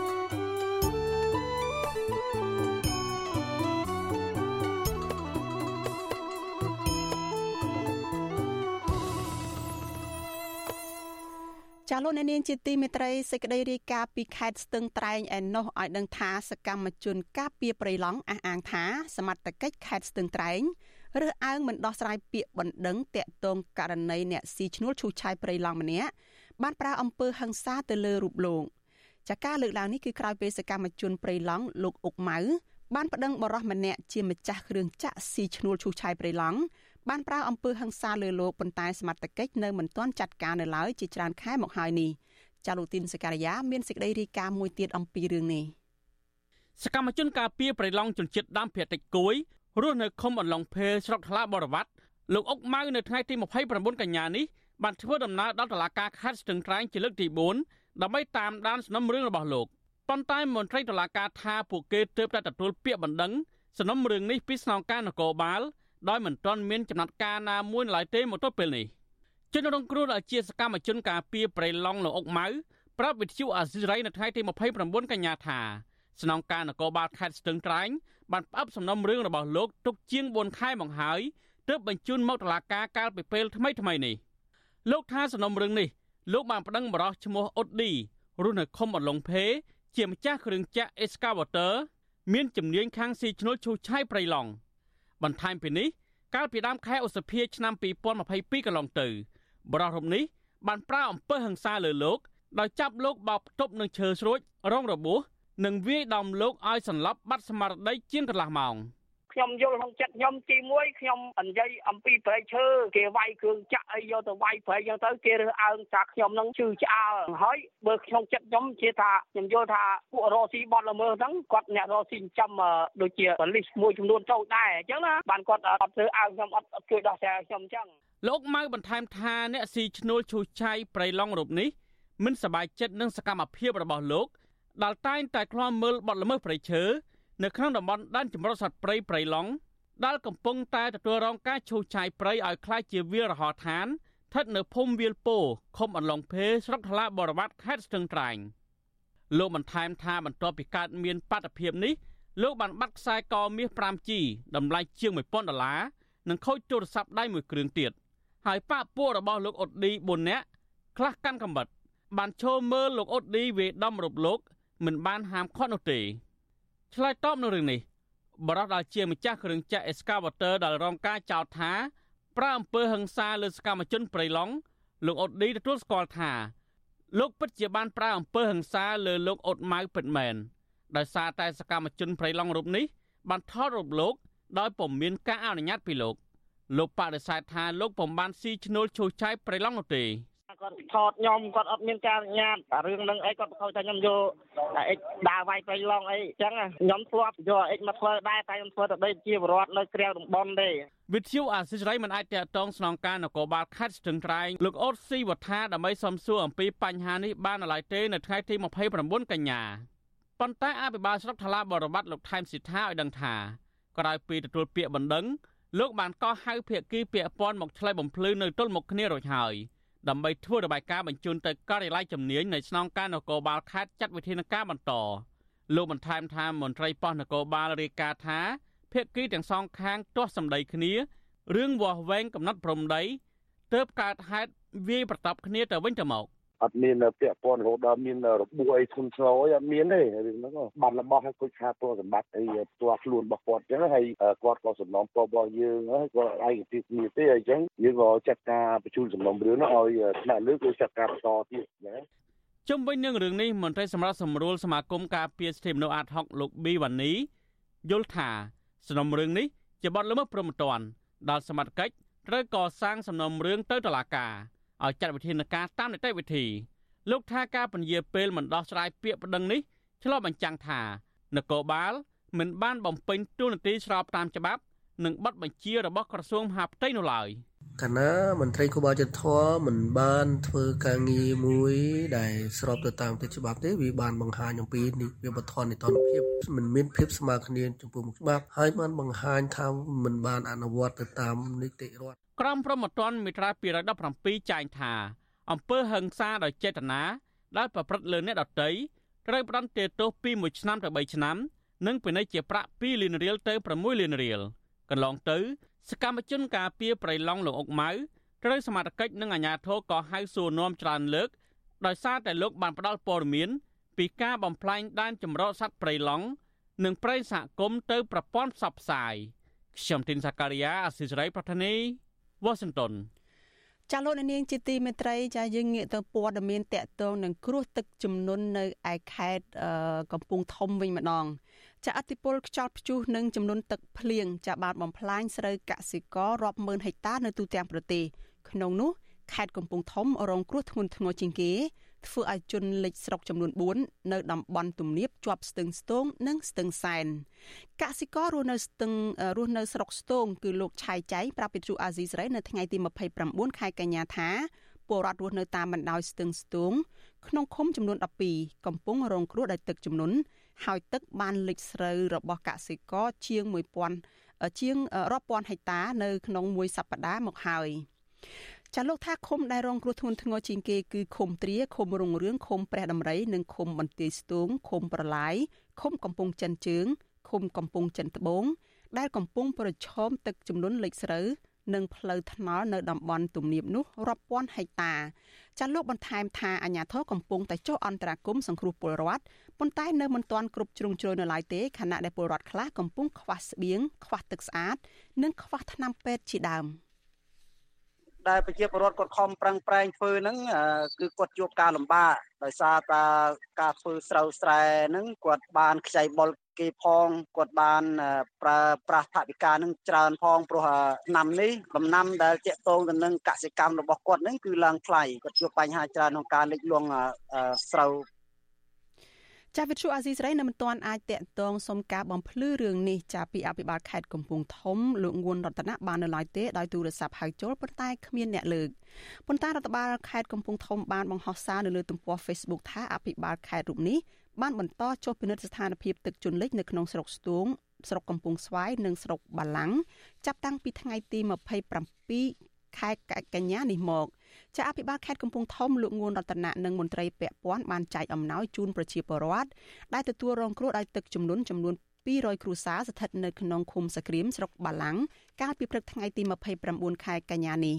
ចាចំណែកនៅឯខេត្តបន្ទាយមានជ័យឯណោះវិញទឹកជំនន់ទឹកភ្លៀងបានបណ្ដាលឲ្យលិចលង់ស្រូវវស្សាកសិករជិត10000ហិកតា នៅក្នុងទូទាំងខេត្តក្នុងនោះខូចខាតជាង5000ហិកតាអ្នកនាំពាក្យគណៈកម្មាធិការគ្រប់គ្រងគ្រោះមហន្តរាយគឺលោកសុត គឹមកុលមុនីប្រាប់វិទ្យុអាស៊ីសេរីកាលពីថ្ងៃម្សិលមិញថាអាជ្ញាធរគ្រប់ខេត្តកំពុងតែអន្តរាគមន៍ជួយសង្គ្រោះពលរដ្ឋនិងផ្តល់ជំនួយមនុស្សធម៌ចែកជូនពលរដ្ឋរងគ្រោះរបាយការណ៍បឋមរបស់គណៈកម្មការគ្រប់គ្រងគ្រោះមហន្តរាយឲ្យដឹងថាគិតត្រឹមដើមរដូវវស្សាឆ្នាំ2022រហូតមកដល់ពេលនេះចំនួនទឹកភ្លៀងបានជន់លិចស្រូវរបស់ប្រជាពលរដ្ឋជាង80000ហិកតាក្នុងនោះខូចខាតជាង20000ហិកតានិងមានមនុស្សស្លាប់សរុប16នាក់ ចំណែកក្រសួងធនធានទឹកក៏បានជូនដំណឹងថាកម្ពុជានឹងបន្តរងឥទ្ធិពលពីជ្រលងប្រព័ន្ធសម្ពាធទាបបណ្ដាលឲ្យមានភ្លៀងធ្លាក់រាយប៉ាយនៅទូទាំងប្រទេសពីកម្រិតតិចទៅច្រើនលាយឡំនឹងផ្គររន្ទះនិងខ្យល់កន្ត្រាក់ចាប់ពីថ្ងៃទី27ដល់ថ្ងៃទី30ខែកញ្ញានេះចាក្រសួងអំពាវនាវឲ្យអាជ្ញាធរនិងប្រជាពលរដ្ឋបង្កើនការប្រុងប្រយ័ត្នខ្ពស់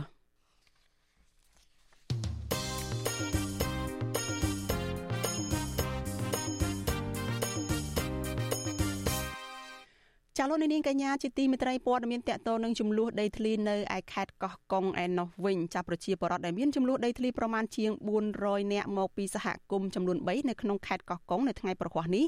បានប្រមូលផ្ដុំគ្នាដាក់ញត្តិស្នើសុំអាជ្ញាធរស្រុកបទុមសាគររកដំណោះស្រាយបញ្ហាដីធ្លីរបស់ពួកគាត់ជាមួយនឹងក្រុមហ៊ុនអុកញ៉ាលីយ៉ុងផាត់ចាមន្ត្រីសង្គមស៊ីវិលថារដ្ឋាភិបាលត្រូវសិទ្ធិធានាសិទ្ធិរស់រានរបស់ប្រជាពលរដ្ឋតាមរដ្ឋធម្មនុញ្ញ និងមានឆន្ទៈដោះស្រាយបញ្ហាដីធ្លីជូនប្រជាពលរដ្ឋដើម្បីកាត់បន្ថយភាពក្រីក្រចាលោកជាតិចំណានរាយការណ៍ព័ត៌មាននេះ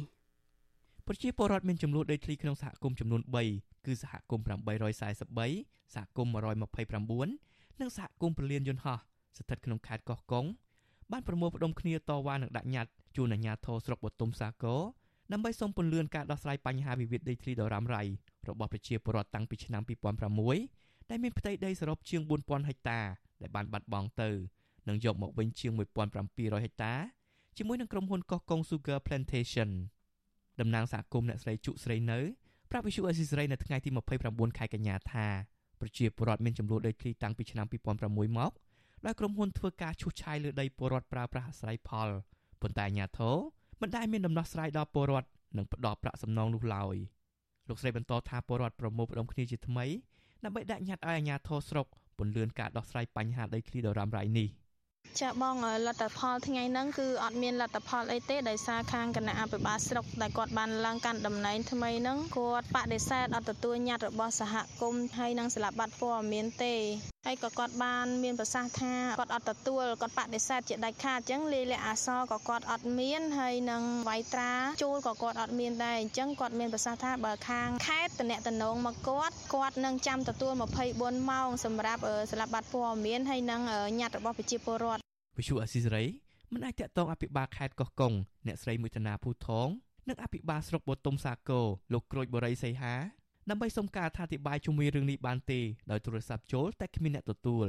ជុំវិញរឿងនេះអ្នកសម្របសម្រួលផ្នែកសិទ្ធិមនុស្សនៃសមាគមអាត់ហុកប្រចាំខេត្តកោះកុងលោកថោងច័ន្ទរាសង្កេតឃើញថាអាជ្ញាធរថ្នាក់ខេត្តនិងថ្នាក់ជាតិហាក់គ្មានឆន្ទៈក្នុងការដោះស្រាយទើបអូសបន្លាយដល់ពេលបច្ចុប្បន្នលោកបន្តថាពលរដ្ឋភៀសច្រើនគ្មានដីធ្លីផ្ទាល់ខ្លួនដោយពលរដ្ឋមួយចំនួនជួដីគេរស់នៅនឹងចាំចំការឲ្យគេក្រោយពីដីមានចំនួនមិនទាន់ដោះស្រាយលោកថោងច័ន្ទរា ព្រួយបារម្ភពីពលរដ្ឋដែលគ្មានដីស្រែធ្វើចំការកុមារមិនបានទៅរៀនសូត្រដោយសារតែការចល័តរបស់ឪពុកម្ដាយហើយគ្រួសារកើតថ្មីច្រើនដែលកាន់តែបង្កើនភាពក្រីក្រក្នុងតំបន់និងប្រឈមពលរដ្ឋចំណាក់ស្រុកមួយចំនួន។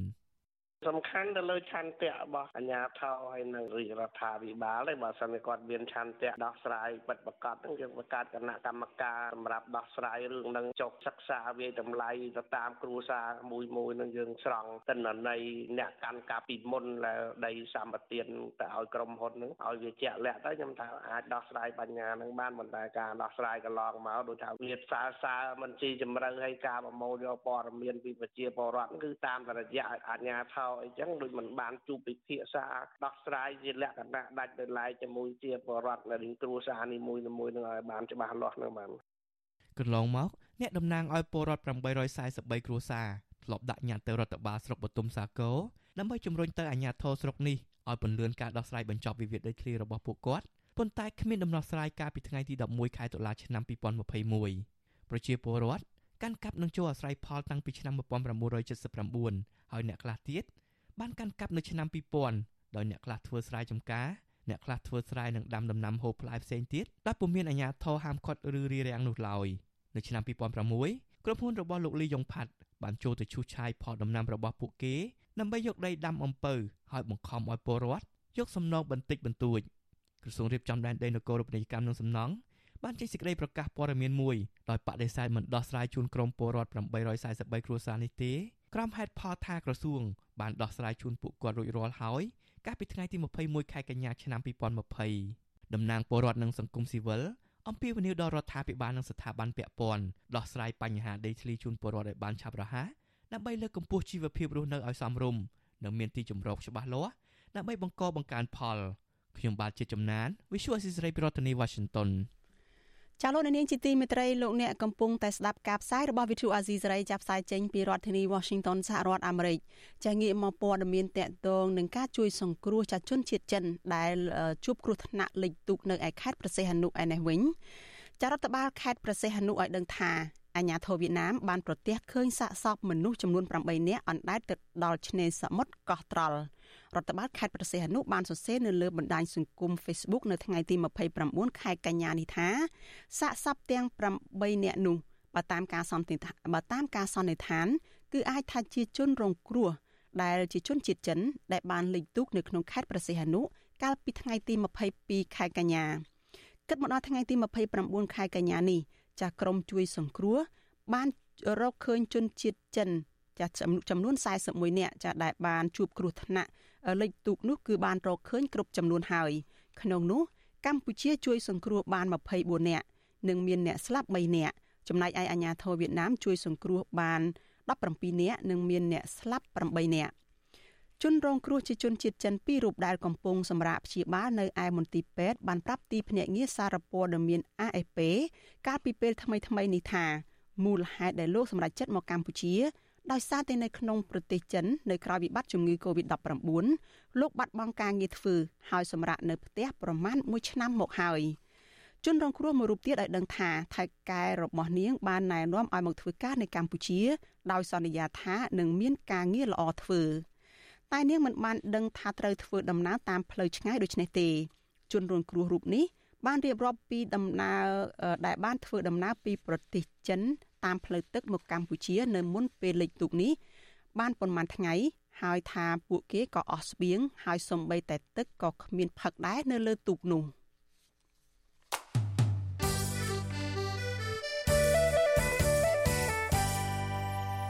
ចាលោកនាងជាទីមេត្រីព័ត៌មានតកតនឹងការបង្ក្រាបលបែងស៊ីសងនិងកន្ទុយលេខឯនេះវិញចាប្រជាពលរដ្ឋនិងមន្ត្រីសង្គមស៊ីវិលលើកឡើងថាអាញាធរធ្វេសប្រហែសនៅក្នុងការបង្ក្រាបលបែងស៊ីសងនៅតាមមូលដ្ឋាន ជាពិសេសគឺលបែងឆ្នោតកន្ទុយលេខពួកគេថាប័ណ្ណបញ្ជារបស់ថ្នាក់ដឹកនាំនៅមានចន្លោះប្រហោងដែលជាឱកាសឲ្យបនលបែងប្រភេទនេះនៅតែបន្តកើតមានហើយធ្វើសកម្មភាពពង្វក់ស្មារតីប្រជាពលរដ្ឋចាលោកសីបណ្ឌិតរាយការណ៍ព័ត៌មាននេះ លបែងកន្ទុយលេខឬឆ្នោតវៀតណាម និងឆ្នោតថៃ នៅតែមានវត្តមាននៅតាមភូមិស្រុកបណ្ដាលឲ្យប្រជាពលរដ្ឋមានកង្វល់គណៈអាជ្ញាធរនៅតាមមូលដ្ឋានមិនអាចបង្ក្រាបលបែងនេះតាមបញ្ជារបស់ថ្នាក់លើបាននោះឡើយប្រជាពលរដ្ឋនៅឃុំតាមើនស្រុកថ្មគោលលោកស្រីគឹមសម្បត្តិប្រាប់បទសុអសីស្រីនៅថ្ងៃទី29កញ្ញាថាជារៀងរាល់ថ្ងៃលោកស្រីតែងតែឃើញអ្នកលក់ឆ្នោតប្រភេទនេះជិះម៉ូតូលក់ពេញភូមិដដែលលោកស្រីថាអ្នកលក់ឬមេឆ្នោត បានចងក្រងគ្នាជាក្រុមក្នុងបណ្ដាញសង្គម Telegram និង Facebook លក់ប្រងព្រាតដែលបង្កលក្ខណៈកាន់តែងាយស្រួលជាងមុនសម្រាប់អ្នកលេងឆ្នោតឬកន្ទុយលេខលោកស្រីបន្តថាអ្នកលក់ឆ្នោតទាំងនោះនៅតែអាចលក់ឲ្យអតិថិជនឬអ្នកលេងឆ្នោតបានជាប្រចាំថ្ងៃដដែលជាពិសេសអ្នកក្រីក្រចូលលេងច្រើនរាល់ថ្ងៃរហូតដល់មានអ្នកខ្លះយកបានក្រីក្រទៅបញ្ចាំដើម្បីបានប្រាក់មកលេងឆ្នោតផងដែរទន្ទឹមគ្នានេះ លោកស្រីស្នើសុំឲ្យរដ្ឋាភិបាលគួរបិទក្រុមហ៊ុនឆ្នោតនៅក្នុងស្រុកទាំងអស់ដើម្បីកុំឲ្យមានវត្តមានលបែងស៊ីសងស្របច្បាប់ មកជំនួសលបែងកន្ទុយលេខពីព្រោះវាជាលបែងដែលមានរបៀបលេង និងបង្កក្តីវិនិច្ឆ័យដល់ពលរដ្ឋដូចតែគ្នាទេតែភិកច្រើនអាញាធរបើកដៃឲ្យធ្វើបើកដៃឲ្យលេងសំខាន់ដាក់ចាប់ឲ្យមានការផ្ដន្ទាទោសទៅរយៈពេលប្រហែលខែទៅដល់ឆ្នាំអញ្ចឹងណាហើយនឹងផាកពិន័យណាជុំវិញរឿងនេះ វត្តជូអសីស្រីនៅពុំទាន់អាចតកតងសុំការបកស្រាយពីអ្នកនាំពាក្យអគ្គស្នងការនគរបាលជាតិលោកឆៃកឹមខឿនបាននោះទេនៅថ្ងៃទី29ខែកញ្ញាលោកនាយករដ្ឋមន្ត្រីហ៊ុនសែននៅព្រឹកថ្ងៃទី29កញ្ញាបានបញ្ជាឲ្យសមត្ថកិច្ចបង្ក្រាបមេខ្លោងធំធំដែលជាម្ចាស់អាជីវកម្មលបែងខុសច្បាប់ទាំងអស់លោកហ៊ុនសែនទទួលស្គាល់ថាលបែងឆ្នោតឬកន្ទុយលេខនេះ មានផលប៉ះពាល់ដល់ពលរដ្ឋដែលលេងពិតប្រាកដមែន ប៉ុន្តែលោកមិនបានបញ្ជាឲ្យបិទអាជីវកម្មឆ្នោតគ្រប់ប្រភេទនៅទូទាំងប្រទេសនោះឡើយដោយលោកគ្រាន់តែចេញសេចក្តីជូនដំណឹងណែនាំដល់ម្ចាស់អាជីវកម្មឆ្នោតដែលលោកលើកឡើងថាមានច្បាប់អនុញ្ញាតនោះមិនឲ្យជាប់ពាក់ព័ន្ធឬបើកបន្ថែមលបែងលូតូអនឡាញនិងឆ្នោតកន្ទុយលេខបន្ថែមទៀតប៉ុណ្ណោះប៉ុន្តែអ្វីដែលជាគ្រោះថ្នាក់គឺអាកន្ទុយលេខអញ្ចឹងបានខ្ញុំចាហើយដែលចេញជាកំណត់សចនប្រមានចំពោះអ្នកដែលមាន ឆ្នោតស្រស់ស្លាប់ទាំងឡាយប្រសិនបើបង្កើតទាំងអាក្រុមលូតូបង្កើតឲ្យមានការលេងអាកតុយហ្នឹងប្រទះនឹងការបិទចោលទាំងស្រុងនៅពេលក្រោយព្រោះវាគ្មានចំណូលលេងប្រមាណទេអាហ្នឹងសុំ5ទៅក្រុមហ៊ុនដែលបើកឆ្នោតទៅប្រមាណបើសិនជាឆ្នោតរបស់ខ្លួនត្រូវបានលេងជាលបែងកាត់កបគឺប្រឈមនឹងការបិទ ទូយ៉ាងណាក្តីសង្គមស៊ីវិលយល់ឃើញថាបញ្ជារបស់លោកនាយករដ្ឋមន្ត្រីហ៊ុនសែននេះនៅមានចន្លោះប្រហោងដែលទុកឱកាសឲ្យលបែងឆ្នោតកន្ទុយលេខនេះនៅមានដង្ហើមរស់បន្តទៅមុខទៀតតាមរយៈការបន្លំខ្លួនឬទិញចម្លងអាជ្ញាប័ណ្ណដើម្បីធ្វើអាជីវកម្មក្នុងសហគមន៍ប្រធានសមាគមនិស្សិតបញ្ញវន្តខ្មែរលោកកើតសរាយយល់ឃើញថាការងារបង្ក្រាបលបែងស៊ីសងខុសច្បាប់គ្រប់ប្រភេទតម្រូវឲ្យមានការរៀបចំជាប្រព័ន្ធការងារមួយច្បាស់លាស់ ដោយមិនមែនគ្រាន់តែមានបញ្ជាពីថ្នាក់លើនោះឡើយ។លោកបន្តថាមូលហេតុដែលធ្វើឲ្យលបែងទាំងនេះនៅតែមានសកម្មភាពមកពីអាជ្ញាធរមូលដ្ឋានទទួលបានផលប្រយោជន៍ពីម្ចាស់អាជីវកម្មលោកបន្តថារដ្ឋាភិបាលគួរបិទអាជីវកម្មក្រុមហ៊ុនឆ្នោតនៅក្នុងស្រុកគ្រប់ប្រភេទទាំងអស់ដើម្បីកាត់បន្ថយឬគល់កុំឲ្យលបាយស៊ីសងទាំងអស់ចូលមកក្នុងមូលដ្ឋានរបស់ប្រជាពលរដ្ឋលោកបញ្ជាក់បន្ថែមទៀតថា លុយដែលក្រុមហ៊ុនលបែងស៊ីសងបង់ពន្ធជូនរដ្ឋនោះมันអាចមកដោះស្រាយបញ្ហាបន្ទុកសង្គមដែលបណ្ដាលមកពីភាពក្រីក្ររបស់ប្រជាពលរដ្ឋដោយសារតែលេខលបែងឆ្នោតឬកន្ទុយលេខនោះឡើយវាជារឿងដដែលដដែលទេនៅកម្ពុជាដែលថ្នាក់ដឹកនាំកម្ពុជានឹងបានត្រឹមតែស្រែកវោកវាស់កុហកប្រជាពលរដ្ឋខ្លួនឲ្យថាខ្លួនឯងនឹងគឺចាប់អារម្មណ៍គិតគូរពីនេះពីនោះប៉ុន្តែជាដំកំភួនមិនដែលឃើញចេញស្អីជាលទ្ធផលមកឲ្យអាចទទួលយកបានណា លបែងកន្ទុយលេខឬឆ្នោតវៀតណាម និងឆ្នោតថៃ មានវត្តមានយូរឆ្នាំមកហើយនៅក្នុងប្រទេសកម្ពុជា និងមានប្រជាប្រិយភាពខ្លាំងដោយមានអ្នកចូលលេងច្រើនចាប់តាំងពីក្រុមហ៊ុនឆ្នោតនៅក្នុងស្រុកមួយចំនួនខ្សែធននិងបិទអាជីវកម្មបច្ចុប្បន្ននេះលបែងឆ្នោតកន្ទុយលេខនៅតែបន្តអាជីវកម្មបានដដែលបើទោះបីជាមានការបង្ក្រាបពីអាជ្ញាធរយ៉ាងណាក្តីដោយសារតែលបែងទាំងនោះមានក្រុមហ៊ុន និងចេញលទ្ធផលទៅក្រៅប្រទេសទន្ទឹមគ្នានេះអ្នកចាក់ អាចតាមដានលទ្ធផលបានជារៀងរាល់ថ្ងៃតាមរយៈបណ្ដាញសង្គមមានដូចជា Facebook Telegram និង YouTube ជាដើម ក្នុងនោះក៏មានជនឆ្លៀតឱកាសខ្លះផ្សព្វផ្សាយលក់លទ្ធផលព្យាករឆ្នោតកន្ទុយលេខយ៉ាងអនាធបត័យលើបណ្ដាញសង្គមផងដែរកាលពីថ្ងៃទី14កញ្ញារដ្ឋមន្ត្រីក្រសួងមហាផ្ទៃលោកសខេងបានស្នើឲ្យលោកហ៊ុនសែន ចាត់រដ្ឋលេខាធិការក្រសួងមហាផ្ទៃលោកសុកផល ដឹកនាំក្រុមការងារចុះបង្ក្រាបលបាយស៊ីសងគ្រប់ប្រភេទនៅទូទាំងប្រទេសបន្ទាប់មកនៅថ្ងៃទី17កញ្ញាលោកហ៊ុនសែនក៏បានបង្ហោះសារសម្លេងលើទំព័រ Facebook ផ្លូវការរបស់លោកបញ្ជាទៅកាន់មន្ត្រីថ្នាក់ក្រោមជាតិនិងអាជ្ញាធរពាក់ព័ន្ធឲ្យបង្ក្រាបឲ្យអស់នៅលបែងស៊ីសងខុសច្បាប់ទោះយ៉ាងណាក្តីប្រជាពលរដ្ឋនិងអង្គការសង្គមស៊ីវិលព្រួយបារម្ភនិងលើកឡើងថាអាជ្ញាធរអនុវត្តច្បាប់មិនបានខ្ជាប់ខ្ជួន និងអនុវត្តប្រៀបដូចភ្លើងចម្បាំងមិនមែនជាភ្លៀងរលឹមនោះឡើយខណៈលបែងស៊ីសងខុសច្បាប់មួយចំនួននៅតែមានសកម្មភាពដដែលនិងផ្ដល់អាជ្ញាប័ណ្ណឲ្យក្រុមហ៊ុនឆ្នោតនៅក្នុងស្រុកដែលពួកគេចាត់ទុកថាជាប្រភេទលបែងស៊ីសងដូចគ្នាខ្ញុំបាទសេកបណ្ឌិតវិទ្យុអាស៊ីសេរីពីរដ្ឋធានីវ៉ាស៊ីនតោន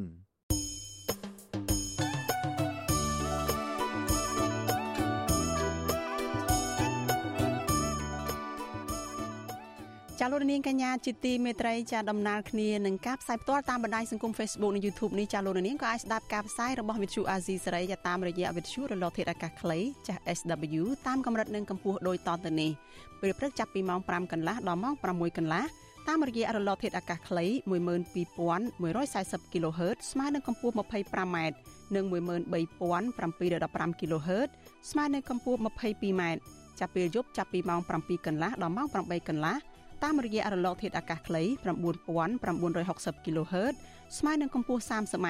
12140 kHz ស្មើនឹងកម្ពស់ 25m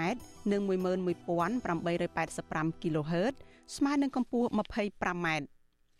ចាលោកនាងកញ្ញាជាទីមេត្រីចាសម្រាប់លោកនាងដែលកំពុងតែតាមដានការផ្សាយរបស់វិទ្យុអាស៊ីសេរីចាតាមរយៈវិទ្យុរលកធាតុអាកាសខ្លីចានាងខ្ញុំសូមជម្រាបលាលោកអ្នកត្រឹមតែប៉ុណ្ណេះសិនប៉ុន្តែចំពោះលោកនាងដែលកំពុងតែតាមដានការផ្សាយរបស់យើងនៅលើបណ្ដាញសង្គម Facebook និង YouTube ចាសូមលោកនាងបន្តតាមដានការផ្សាយរបស់យើងជាបន្តទៅទៀតហើយនៅក្នុងរយៈពេលទៅមុខទៀតនេះចាយើងនឹងមានកិច្ចពិភាក្សាមួយចាដែលនឹងសម្របសម្រួលដោយលោកយ៉ងច័ន្ទតារាចាតកតងទៅនឹង ការទប់ស្កាត់បទល្មើសព្រៃឈើឬក៏របាយការណ៍រកឃើញថ្មីតាក់ទងទៅនឹងមេឃធៀងនៃក្រមគ្រួសារមេដឹកនាំមេដឹកនាំរដ្ឋាភិបាលចាដែលពាក់ព័ន្ធទៅនឹងការបទល្មើសផ្សេងផ្សេងជាពិសេសគឺបទល្មើសព្រៃឈើនៅកម្ពុជាចាលោកនាងជាទីមេត្រីចាព័ត៌មានតាក់ទងនឹងគ្រូបង្រៀនកម្ពុជាឯករាជ្យឯនេះវិញ ចាស់សមាគមគ្រូបង្រៀនកម្ពុជាឯករាជ្យចោលអំពាវនាវឲ្យលោកគ្រូអ្នកគ្រូនិងមន្ត្រីរាជការគ្រប់ជាន់ថ្នាក់ចូលរួមអបអរទិវាគ្រូបង្រៀននៅថ្ងៃទី5ខែតុលានៅទីលានប្រជាធិបតេយ្យដើម្បីកែលម្អកម្រិតនៃស្ថានភាពគ្រូបង្រៀនក្នុងការចូលរួមធ្វើឲ្យការអប់រំទទួលបានគុណភាព។ ចាស់សមាគមគ្រូបង្រៀនកម្ពុជាឯករាជ្យលើកឡើងនៅក្នុងសេចក្តីអំពាវនាវថាពិធីនេះធ្វើឡើងនៅក្នុងគោលបំណងគោរពទួនាទីដ៏សំខាន់របស់គ្រូបង្រៀនដែលបានផ្ដល់ចំណេះដឹងដល់កូនខ្មែរគ្រប់កម្រិតសិក្សា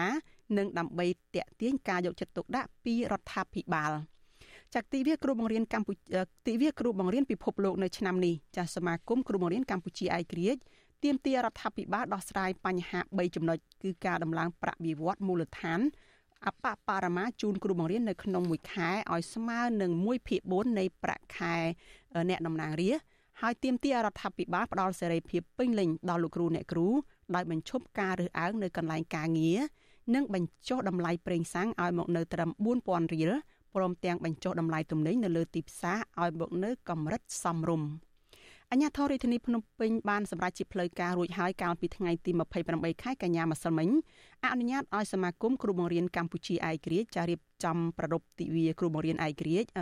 គ្រូបង្រៀនពិភពលោកនេះនៅទីលានប្រជាធិបតេយ្យប៉ុន្តែអាជ្ញាធរកំណត់ចំនួនអ្នកចូលរួមគឺត្រឹមតែ200នាក់ដោយមិនអនុញ្ញាតឲ្យហាយក្បួនតាមទីសាធារណៈឡើយចាលោកនាងជាទីមេត្រី ចាជាបន្តទៅទៀតនេះចាគឺនៅក្នុងរយៈពេល30នាទីនៅខាងមុខទៀតនេះចាយើងនឹងមានកិច្ចពិភាក្សាមួយចាដែលនឹងសម្របសម្រួលដោយលោកយ៉ងច័ន្ទតារាចាតកតងទៅនឹងការជាប់តកតងរបស់មន្ត្រីរដ្ឋាភិបាលនៅក្នុងក្រតកម្មព្រៃឈើចាតើទំនាក់ទំនងនោះកើតមានតាមរូបភាពណាខ្លះតើអ ுக ្រិតកម្មព្រៃឈើនៅកម្ពុជាអាចទប់ស្កាត់បានដែរឬយ៉ាងណាប្រសិនបើមន្ត្រីកម្ពុជាកម្ពុជានៅតែជាប់ពាក់ព័ន្ធនៅក្នុងរឿងនេះ ចាសសូមអញ្ជើញលោកអ្នកនាងចាសតាមដានកិច្ចពិភាក្សានេះនៅក្នុងការផ្សាយរបស់យើងនៅពេលបន្តិចទៀតនេះហើយនេះខ្ញុំក៏សូមប្រកល់ទាននីតិសម្របសម្រួលកិច្ចពិភាក្សានេះទៅលោកយ៉ងច័ន្ទតារាចាសនេះខ្ញុំសូមអរគុណនិងសូមជម្រាបលា